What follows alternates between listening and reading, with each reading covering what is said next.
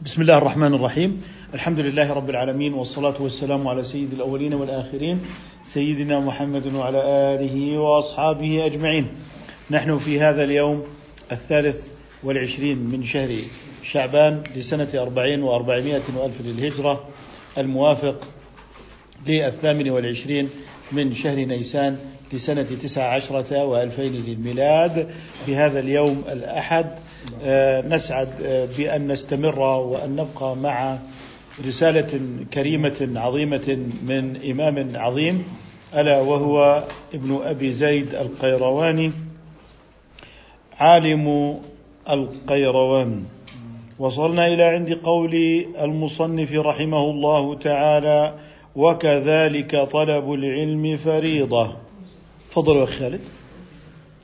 قال ابن أبي زيد رحمه الله تعالى وكذلك طلب العلم فريضة عامة يحملها من قام بها إلا ما يلزم الرجل في خاصة نفسه وفريضة الجهاد عامة يحملها من قام بها إلا أن يخشى العدو محلة قوم فيجب فرضا عليهم قتالهم إذا كانوا مثلي عددهم والرباط في ثغور المسلمين وسدها وحياطتها واجب يحمله من قام به.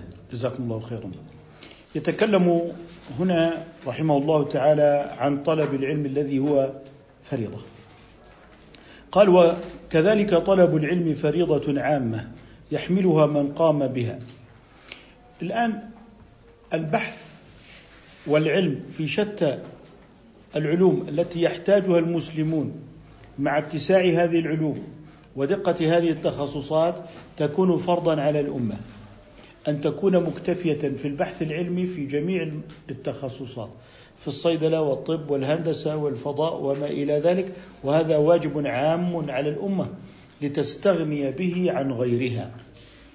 وعليه فهذا اللون من الفرض الواجب يكون كفائيا وهو على من يستطيعه ويجب على الحاكم أن يبتعث وأن يهيئ من آه، المختصين في شتى أنواع هذه العلوم حتى لا تمتد أيدي المسلمين أو تمتد أيدي المسلمين إلى العدو سائلة منه الدواء وسائلة منه الأدوات وسائلة منه الأشياء لا سيما أن من يصنع الأداة هو الذي يملك استعمالها. يعني أنت تصبح ضيفا على هذه الآلة فإذا عطبت هذه الآلة احتجت إليه.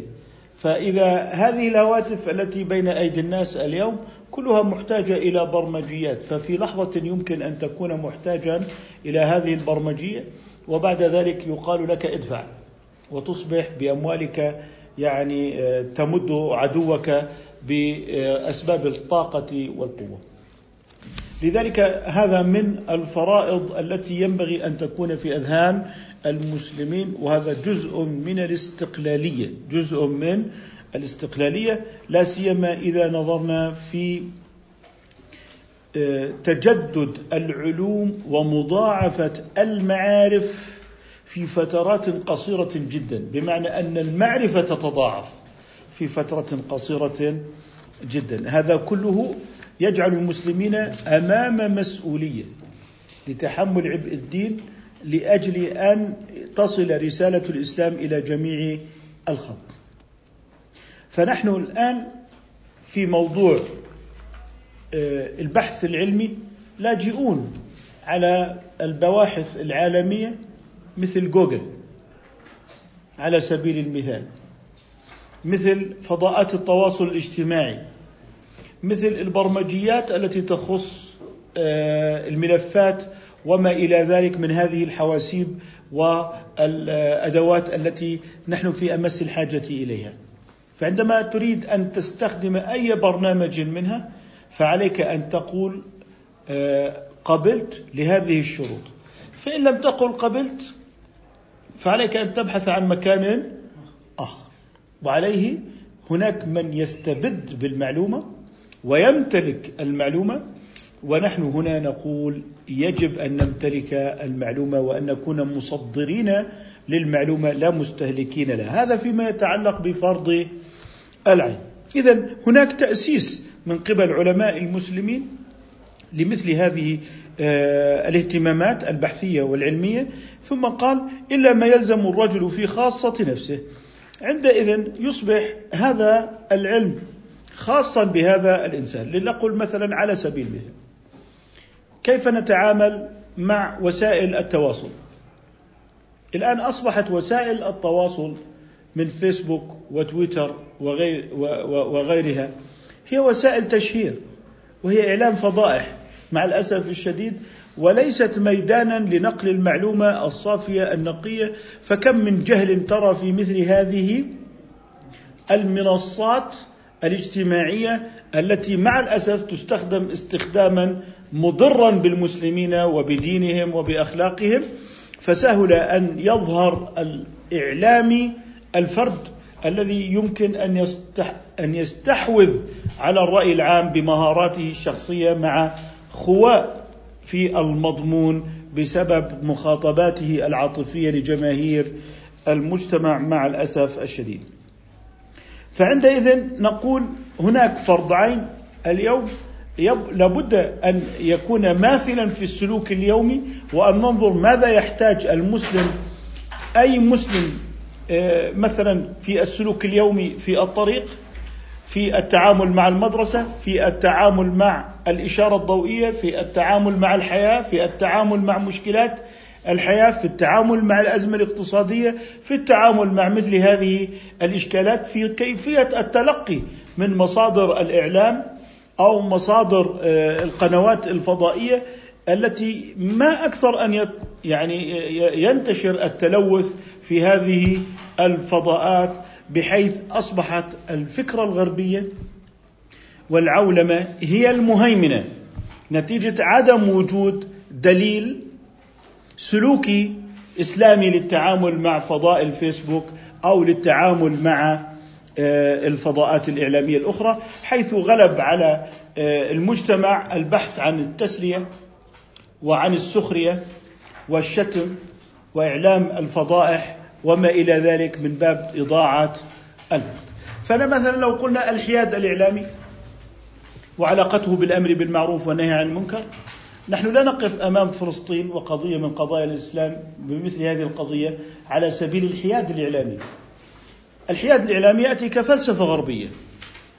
أنه لا يوجد حق ولا يوجد باطل، والحق هو فكرة في الإنسان، فكما أن في أذهان اليهود فكرة الحق التوراتي لهم في أرض الإسلام، هناك أيضا آه، يعتبرون أن ما نعتقده نحن اعتقادا جازما بالوحي والبينات هو عبارة عن فكرة. فهم يتوهمون أن الحق فكرة وهي غير قابلة لأن تكون حقا مطلقا إنما هي قضية نسبية. وبناء عليه ينطلق في الإعلام أن هذه قضية فلسطين هي قضية نسبية. أنت ترى أن حقك في هذه الأرض وهو يرى أن حقه في هذه الأرض وبالتالي هي المسألة نسبية. هذا مخطئ أم ذاك مخطئ؟ الإعلام لا ينشغل بذلك. يقول لك أنا أبث الخبر وأبث إليه الصورة على قصة الحياد الإعلامي ولكننا نقول نحن نمتلك الحقيقة لأن ما عندنا هو بينة من ربنا ولسنا نقرأ في كتب توراتية قديمة منقطعة الأسانيد إنما نحن نتكلم بمنهج علمي ديني شرعي في تلقي الخبر. لذلك لابد أن يستفاد من منهج المحدثين هؤلاء الذين أرسوا يعني آه، علما واسعا في مجال تلقي الخبر ونقل الخبر وتمحيص الخبر فلا بد أن نشتق من هذه المنهجية التي لدينا. كيف يمكن أن نخاطب الإعلام بمنهجيتنا الإسلامية؟ لا أن ننشغل بتحقيق وتخريج الأحاديث الإلكترونية بسهولة. ثم بعد ذلك إذا جئنا إلى الواقع المعاش وجدنا أنفسنا واقعين في فخ العولمة الإعلامية.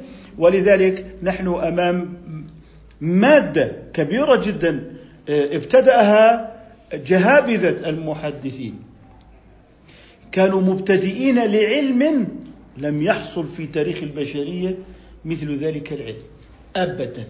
كانوا مبتدئين لذلك العلم.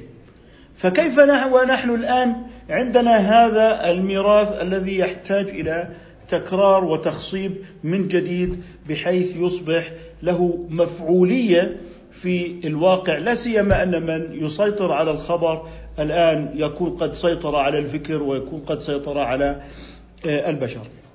لذلك نحن نحتاج إلى دليل سلوكي إسلامي فيما يتعلق بالإعلام بدلا من الفكر السلوكي الغربي الذي ربما تنشر صورة يقول لك هذه تدعو إلى الكراهية.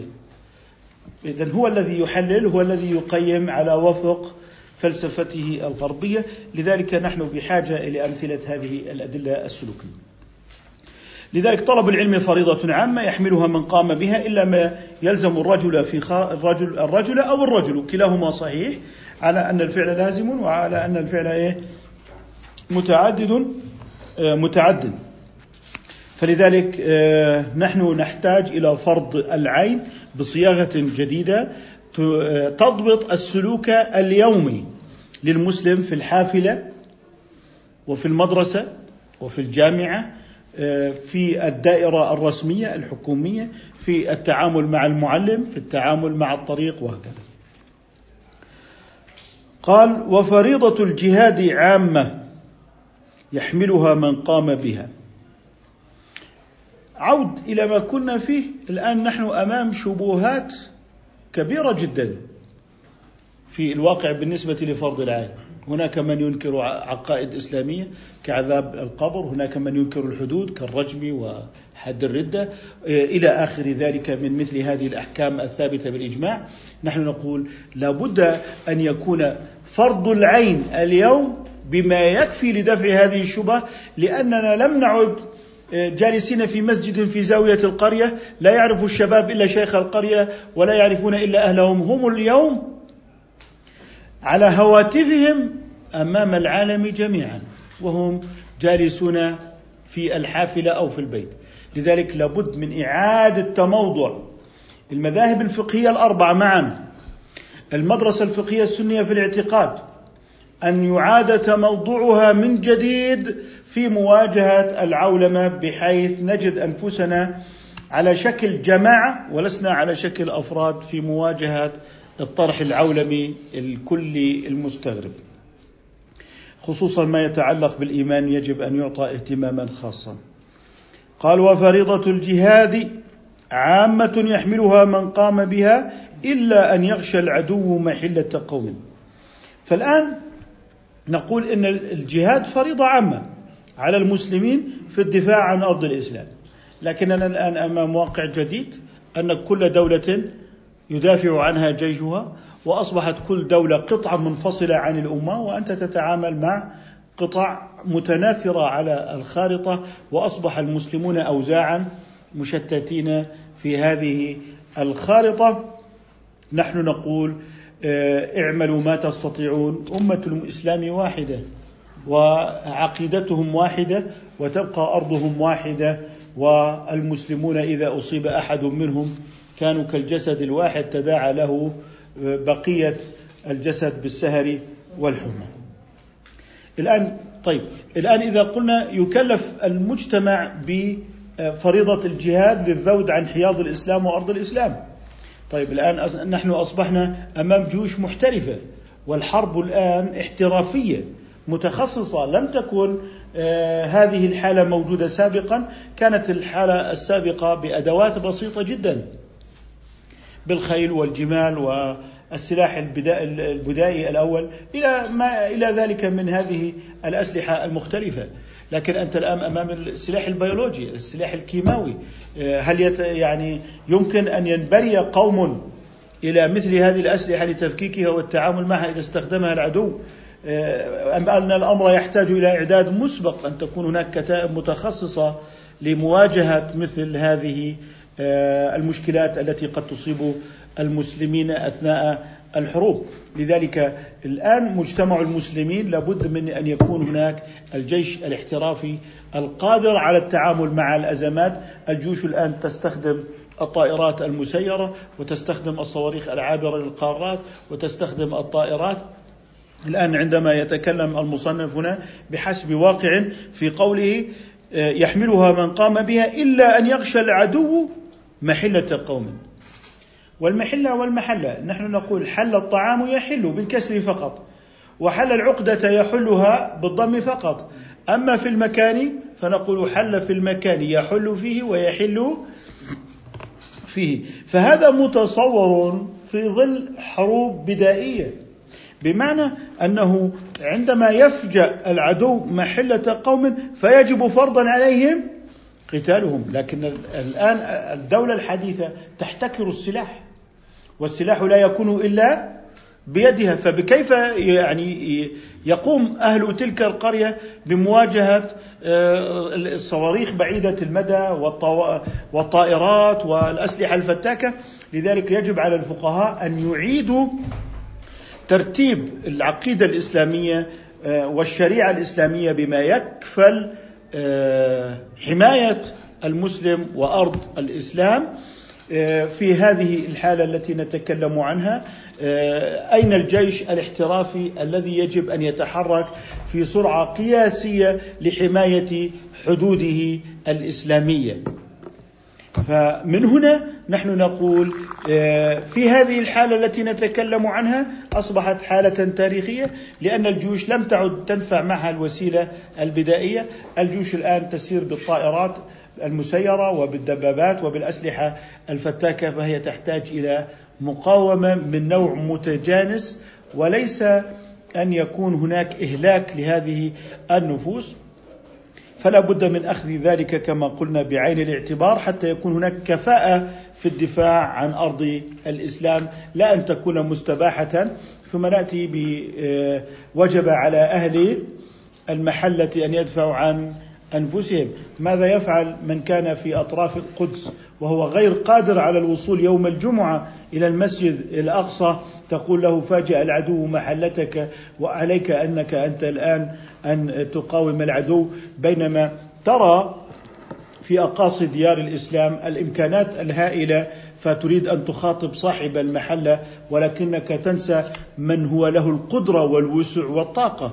لذلك نحن نقول إن هذا المقام يقتضي منا البحث ليس في الجغرافيا بمعنى صاحب المحلة أو صاحب هذه القرية أو الساكن في هذه المدينة بل علينا أن ننتبه إلى الوسع والطاقة. فرئيس وزراء في أقصى دار من ديار الإسلام مكلف بالذود عن أرض الإسلام في فلسطين أو في القدس أكثر بكثير من من هذا المسكين المسلم المستضعف الذي لا يكاد يصل آه، يوم الجمعة ليصلي في بيت الله الحرام وهو المسجد الأقصى. اذا علينا أن لا نبحث في الجغرافيا في هذه المواطن بل علينا أن نبحث في الوسع والطاقة لا أن نحمل العاجز المسؤولية بينما يعني آه، نبتعد عن المسؤولية الواجبة شرعا على أمة الإسلام تجاه يعني مقدس من مقدساتها ألا وهو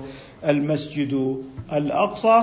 آه، اذا هناك طاقات سياسية هناك دول إسلامية هناك دول عربية. هذه تتحمل بحسب الوسع والطاقة أكثر ممن مما يتحمله عند الله هذا المسلم الضعيف المستضعف تحت آلة العدو. ولذلك آه، لا, لا نريد أن تتقزم قضايا الإسلام على حسب الجغرافيا بل لابد أن تمتد على حسب العقيدة وأن تكون على حسب الوسع والطاقة وليس تقسيم المسؤولية على حسب الجغرافيا على حسب الجغرافيا ونسأل الله تعالى أن يعني آه، يرد إلينا مسجدنا إن شاء الله تعالى في أقرب وقت. اذا نحن عندما نتكلم عن كلام ابن أبي زيد هذا إنما نستلهم منه أنه بحسب القدرة والإمكان وبحسب الاستطاعة والأشبه فالأشبه والأقدر فالأقدر على هذا ينبغي أن يفهم كلام ابن أبي زيد رحمه الله تعالى.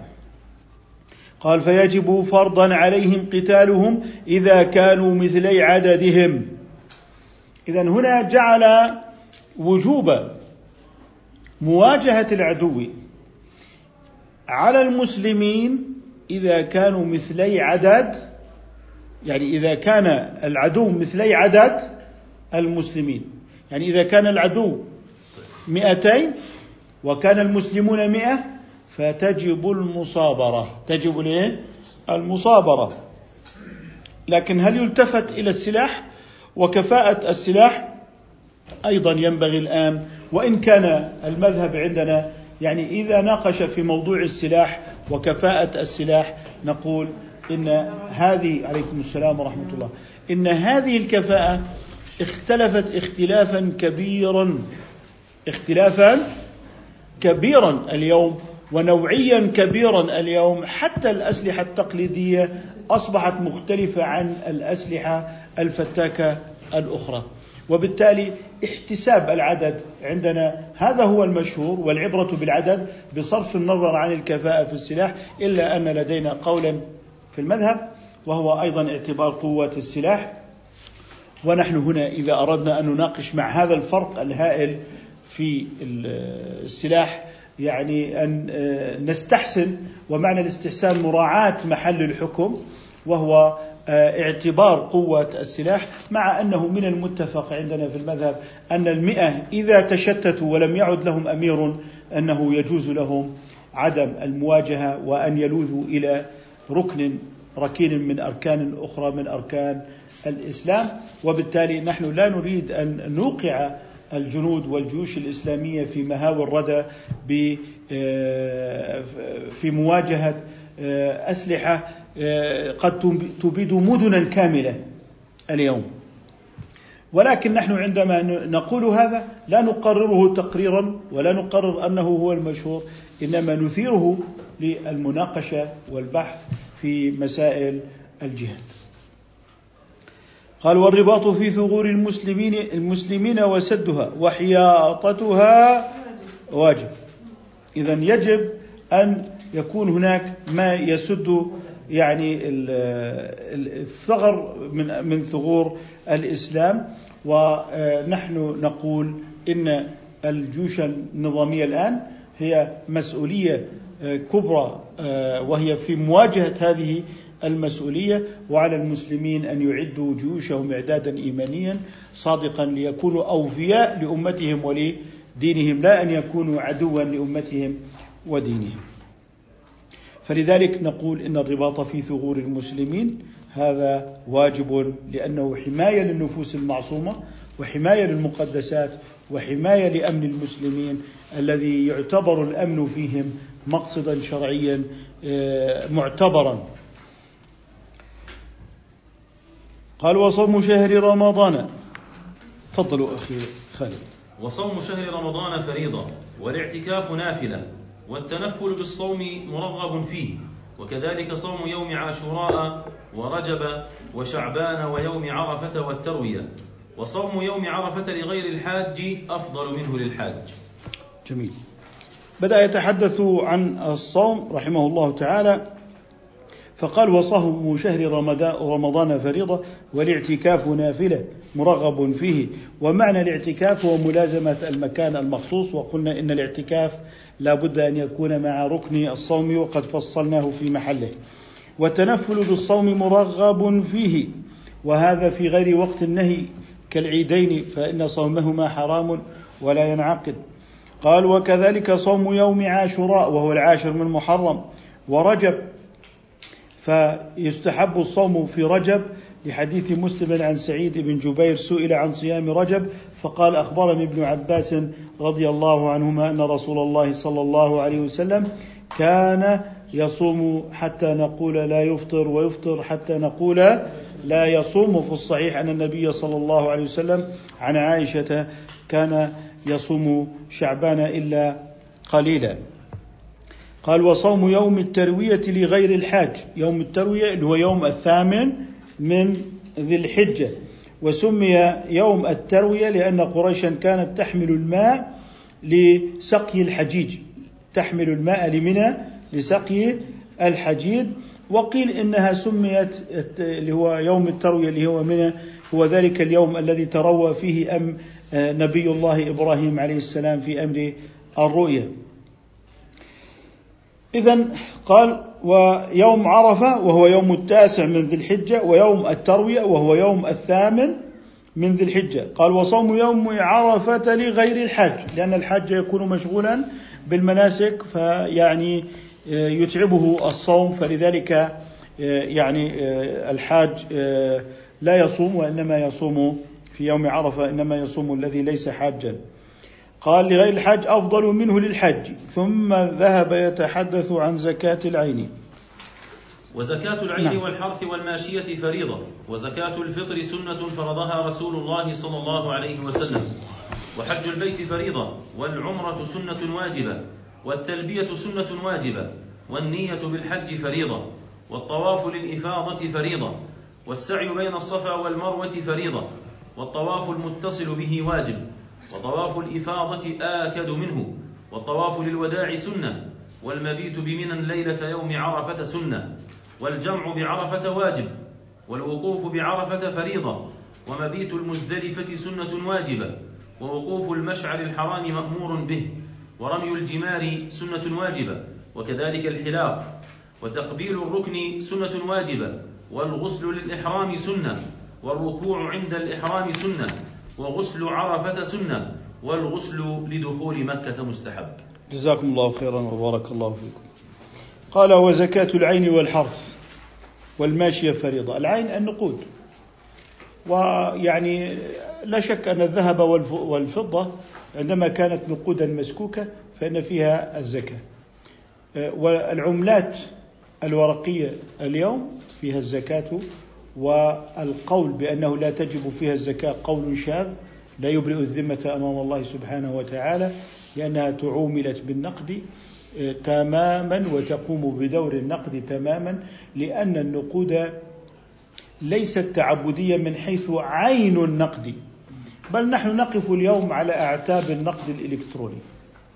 لكنه وإن كان ما يزال لم تتوافر فيه شروط تمام وظيفة النقد إلا أننا نتعامل معه في الزكاة احتياطا على أنه نقد احتياطا للعبادة. فهو ما زال يدور بدور أو يقوم بدور النقدي ولكن عندنا في الأردن آه، لم تعتمد هذه النقود ولكن من يتعاملون بها عالميا أصبحت السوق آه، لا تفتقر إلى تقنين الدولة خاصة الدول الصغيرة التي لا تملك أصلا تقنيات النقد الإلكتروني. وبالتالي هناك أسواق للنقد الإلكتروني والتعامل بهذه الأسواق في النقد الإلكتروني آه، يعني آه، يضفي عليها صفة النقدية. وهذا الإضفاء لصفة النقدية وإن لم تكن تامة وما زال المناط فيها لم يتحقق بتمامه من وجهة النظر إلا أن هذا التعامل بهذا النقد يدعونا إلى أن نخرج زكاته لما فيه من قيمة نقدية ووظيفة نقدية من حيث هو وسيط للتبادل وقيمة للمتلفات ومستودع للقيمة كذلك وأداة للادخار فهو يؤدي دورا يعني له يعني بال في مجال النقد.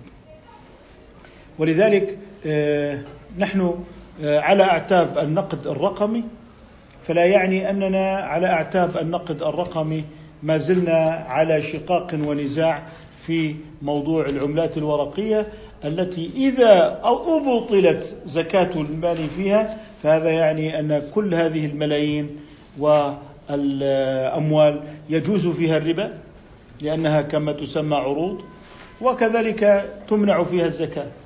وبالتالي نكون قد هدمنا الزكاة يعني بتلقائية بسبب عدم تحقيق المناط بدقة. وهذا يدل على خطورة الاجتهاد وهذا المنصب الرفيع الذي يتبوأه أئمة البحث. فقال إن زكاة العين والحرث وهو الحبوب وهي العشرون التي ذكرناها في باب الزكاة والماشية وهي الإبل والبقر والغنم. أما أمثال الدجاج فهذه تزكى عروض تجارة. وغير وغير الدجاج من مثل هذه آه، الحيوانات. إذا زكاة الماشية لا تكون إلا هي زكاة أعيان لا تكون إلا في الأنعام وهي الإبل والبقر والغنم. آه، وزكاة الفطر سنة والمعتمد أنها فريضة بمعنى أنها واجبة. وممكن أن يتأول للمصنف بأنها واجبة بالسنة أي ليست واجبة بالقرآن الكريم. وبالتالي نحن نقول إنها واجبة بالسنة.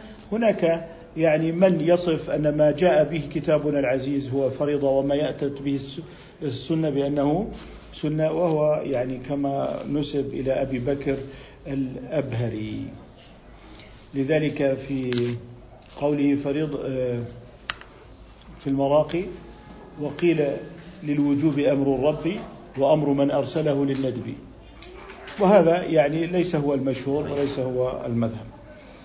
قال وحج البيت فريضة حجة الإسلام والعمرة سنة. ولكن عندما نقول حج البيت فريضة الآن نحن نتكلم بفريضة عبادية. والفريضة العبادية لا تدخلها السياسة ولا تدخلها المعاني المحدثة. حتى السنن لا تدخلها سد الذرائع. يمكن أن ترجح بين مفسدتين. لكن لا ترجح بين مصلحة ومفسدة لأن التعارض غير موجود. هذا إذا كانت مصلحة ليست سنة فما بالك لو كانت سنة؟ فلذلك الحج إلى بيت الله والعمرة إلى بيت الله تبقيان على أحكامهما الأصلية بصرف النظر عن سياسات الدول.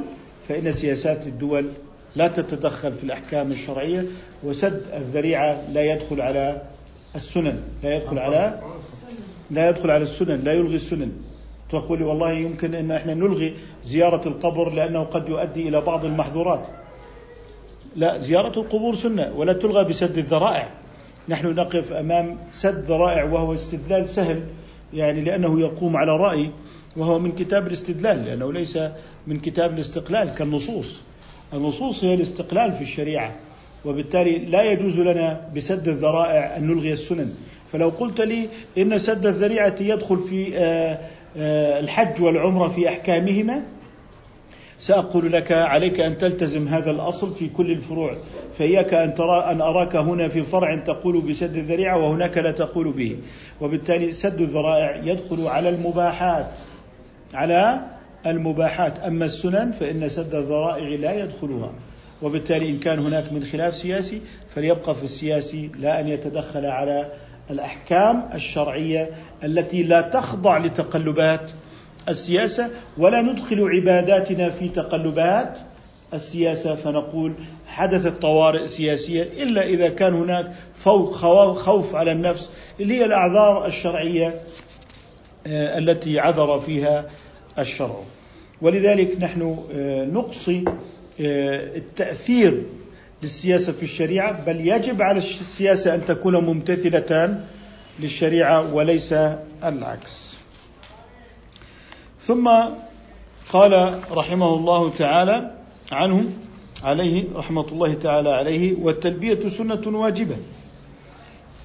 إذا التلبية سنة واجبة يعني قد يقول أحدهم هي سنة لا المذهب المعتمد أنها واجبة فهي واجبة من واجبات الحج وإن كان هنا عبر عنها بالسنة فعندئذ تقبل أن تكون واجبة لأنه وصفها قال سنة واجبة لكنها يمكن أن تحمل على التوكيد ولكنها بالفعل هي واجبة.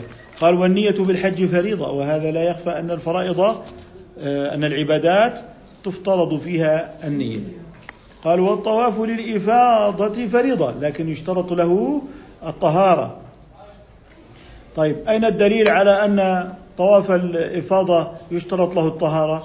هناك من يقول إنه لا دليل على ذلك وقول إنه صلاة لكنه يعني آه، جاز فيه الكلام. نقول لك هل يستقبل القبلة؟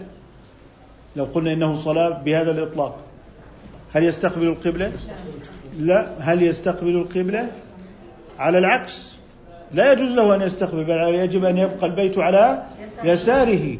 فلذلك لو أنك احتججت عليه بهذا النص كان له أن يعترض عليك أيضا ويدخل في الاحتمال. لكن الصحيح أن الدليل على اشتراط الطهارة للطواف هو عمل الأمة هو عمل الأمة في هذا التعبد وقد ذكر الإمام الشافعي رحمه الله تعالى الإجماع الذي ليس له مستند من حكاية السند إنما هو عمل الأمة وبالتالي عمل الأمة دليل من الأدلة المحكمة التي تحرم مخالفتها وما تواطأت عليه الأمة يجب أن يعمل به لا سيما وأن الأمة تتوضأ للطواف من باب التعبد. وهي تطوف بوضوء ولكن الأمر واشتهاره في القرون الأولى لم يحتج إلى حكايات السند لم يحتج إلى حكايات السند. فهناك الكثير من أمور الدين لا تحتاج إلى حكاية سند معين.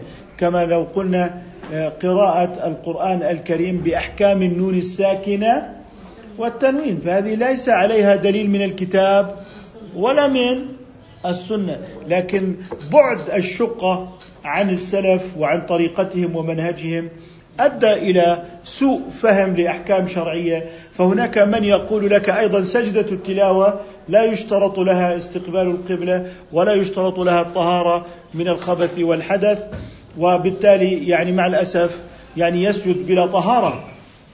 ولكن عمل الأمة قائم على أن سجدة التلاوة بطهارة ويسأل أحدهم أين الدليل على ذلك؟ لا دليل عليه لكنه تناسى عمل الأمة في أمر الطهارة في الطواف آه، وهذا سيشكل عليه كثيرا في كثير من فروع الشريعة ومثل هؤلاء يحالون إلى الإمام الشافعي رحمه الله تعالى الذي أحال من القرون الأولى الفاضلة على أن الأمة عملت اعمالا بإجماع لم تحكها بالسند وذلك اتفاقا منها على أنها سنة.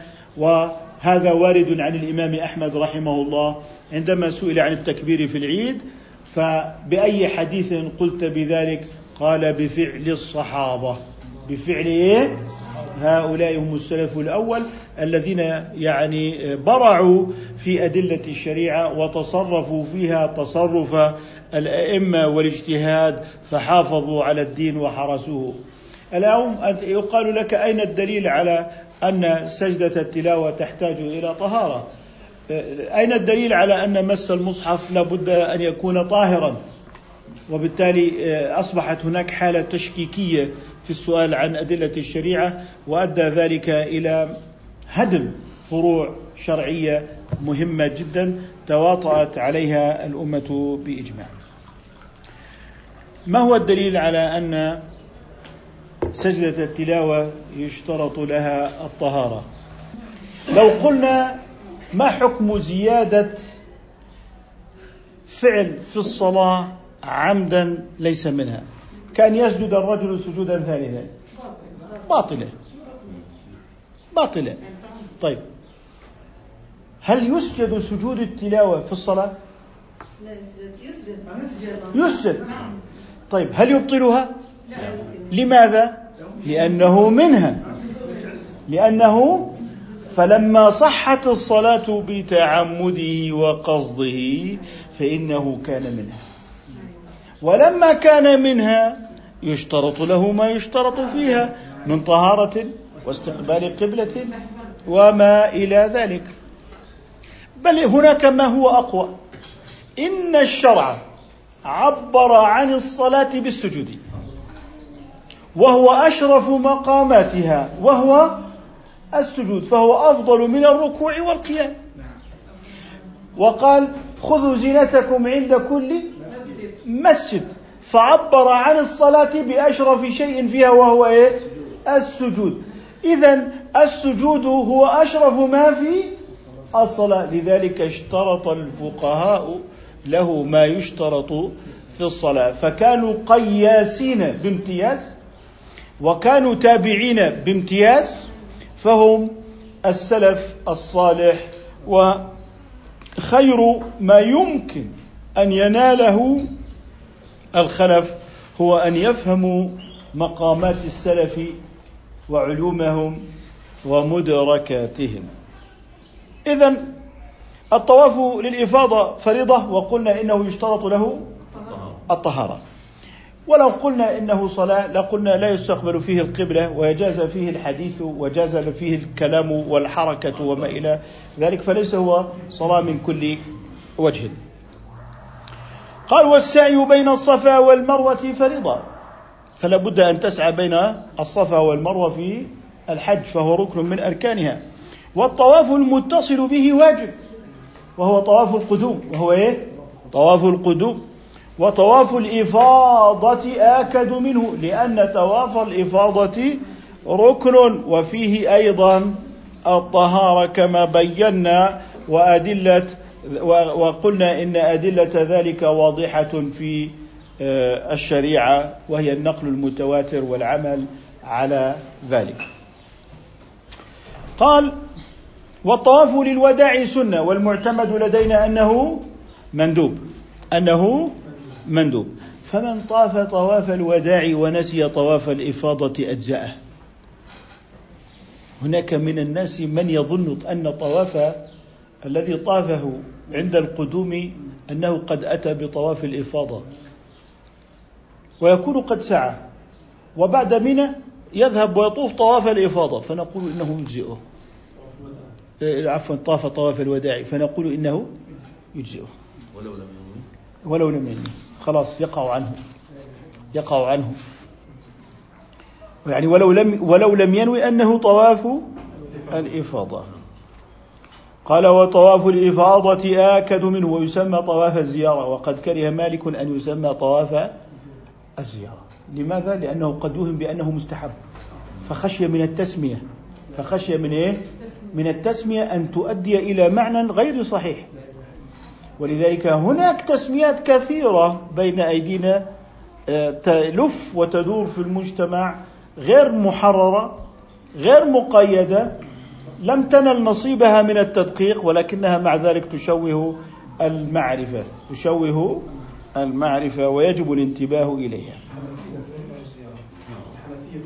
بالنسبة لنا لم نمنع كقول وإنما قلنا بالكراهة لما يؤدي إليه من هذه الظلال لدى العامة.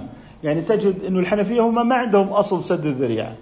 وإن كان موجودا في التطبيقات يعني ستجد أن الحنفية عندهم في التطبيقات سد الذريعة وكذلك الشافعية. ولكنها عند مالك ولكن عند مالك سد الذريعة برتبة الأصول.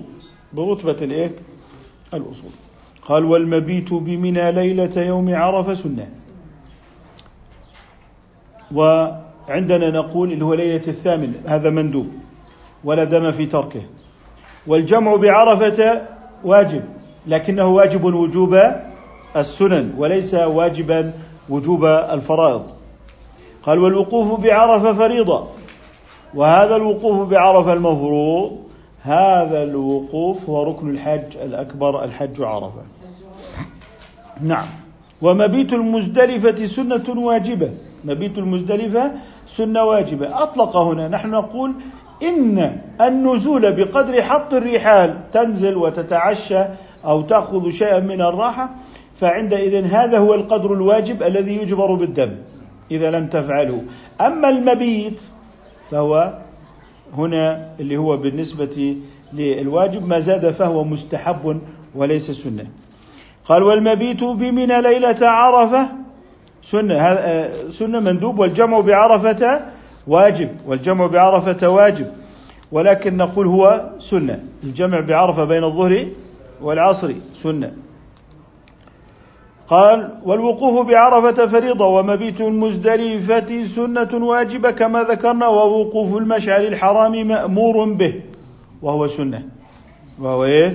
سنة. ورمي الجمار سنة واجبة أي فريضة واجبة من واجبات الحج. والواحدة إذا تركها من تلك الحصيات فإنه ينجبر بالدم. قال وكذلك الحلاق. الحلاق المعتمد أن الحلق واجب. المعتمد أن الحلق حلق واجب في الرجل. أما المرأة فإن الواجب عليها هو التقصير. الواجب عليه هو التقصير. قال وتقبيل الركن سنة واجبة والغسل للإحرام سنة. والغسل للإحرام جميع أغسال الحج مندوبة إلا الغسل للإحرام. فهو سنة. فهو سنة. والركوع عند الإحرام سنة أي الصلاة. أي الصلاة أي عندما يعني تغتسل وتريد أن تحرم بالحج وتلبس لباس الحج فإن الركوع إيه؟ سنة. قال والركوع عند الإحرام سنة وغسل عرفة سنة. مندوب المعتمد مندوب. والغسل لدخول مكة مستحب. والصلاة في الجماعة أفضل من صلاة الفذ. انتهينا الآن. طيب آه نكتفي إن شاء الله. نكتفي بهذا القدر إن شاء الله. سبحانك اللهم وبحمدك نشهد أن لا إله إلا أنت نستغفرك.